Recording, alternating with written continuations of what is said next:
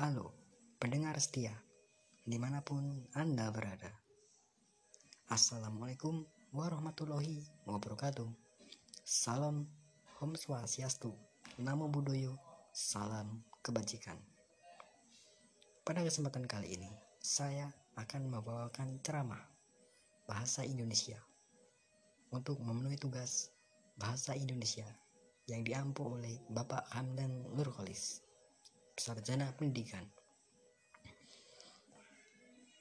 Puji syukur kita panjatkan pada kehadirat Allah Subhanahu wa taala karena atas limpahan karunia-Nya, hidayah, rahmat dan inayahnya sehingga kita dapat memulai aktivitas pada hari ini dengan baik sebaik-baiknya. Tak lupa pula, solawat serta salam senantiasa tercurahkan kepada junjungan besar Nabi Shallallahu Alaihi Wasallam.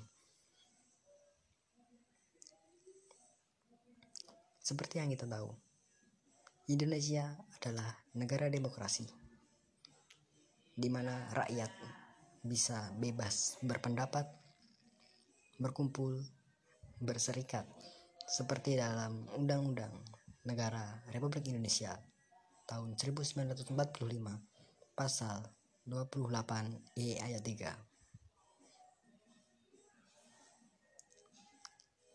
Di sini kita punya hak untuk melawan pemimpin apabila terjadi suatu hal yang dianggap merugikan ataupun menyesatkan. Kita bisa saja berpendapat di buka publik menyuarakan isi hati tentang tidak puasan maupun kepuasan kita terhadap pemerintahan. Namun, apa masalahnya? Mengapa kok saya membawa masalah-masalah seperti ini? Hal yang sedang booming terjadi, yaitu penolakan Omnibus Law. Bisa dilihat ya di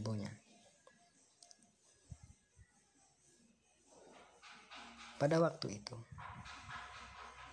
banyak dari kalangan mahasiswa, rakyat, maupun dari siswa SMA yang menggelar arak-arakan di jalan.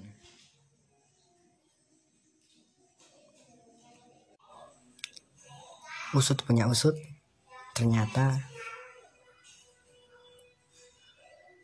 ternyata omnibus law yang kita anggap sebagai suatu pengkhianatan terhadap rakyat. Ternyata malah memberi dampak yang besar. Saya juga heran kok bisa-bisanya sih sampai ada demo sebegitunya? Apa yang salah dari omnibus law? Hoax mungkin Selain itu pula,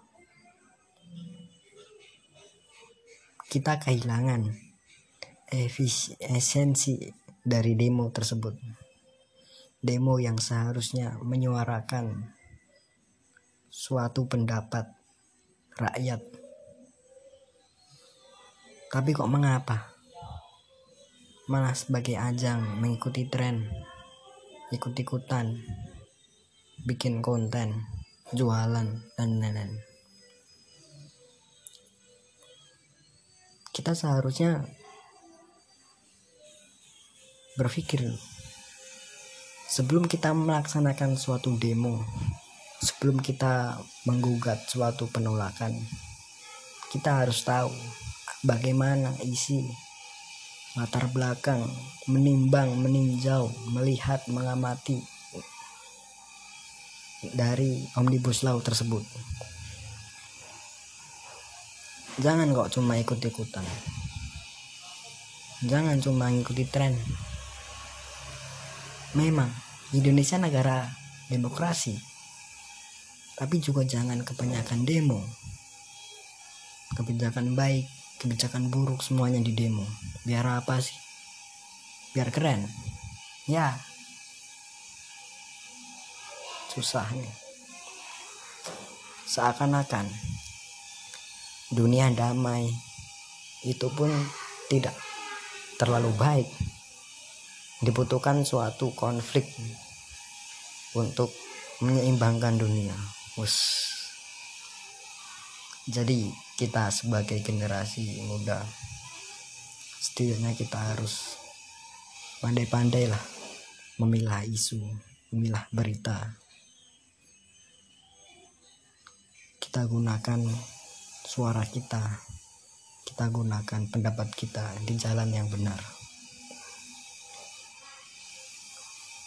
Jangan sampai kehilangan esensi dari demo tersebut. Demo bukan tempat bergaya-gayaan tapi suatu bentuk penolakan sebagai ketidakpuasan atas pemerintahan. Yang jelas pasti dipertanggungjawabkan. seperti itu teman-teman. Kita juga bisa kok demo. Nggak harus turun ke jalan nggak harus nyanyi-nyanyian tidak harus. Ya seperti yang di TV-TV itu. Di rumah kita juga bisa demo melalui media sosial tapi ya kembali lagi. Kita harus tahu apa yang mau kita tolak mau kita demoin. Kalau kita bikin status di WhatsApp tentang penolakan ya tapi kita juga nggak tahu apa itu omnibus law.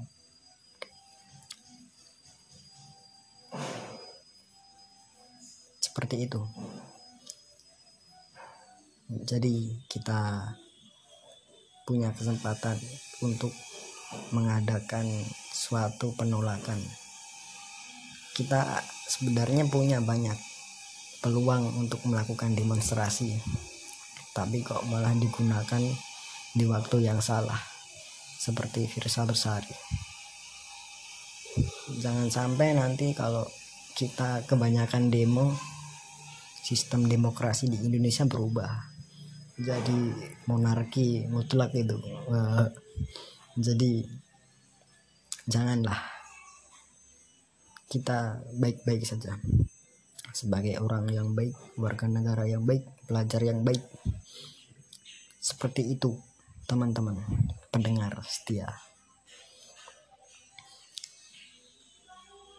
Cukup dari saya ceramah saya secara dalam 7 menitan menuju 8 menit di sini saya mengucapkan terima kasih buat yang sudah mendengar sampai akhir.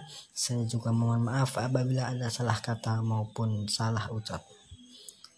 Sekian. Wassalamualaikum warahmatullahi wabarakatuh. Terima kasih Pak Hamdan, terima kasih teman-teman yang sudah mampir di sini.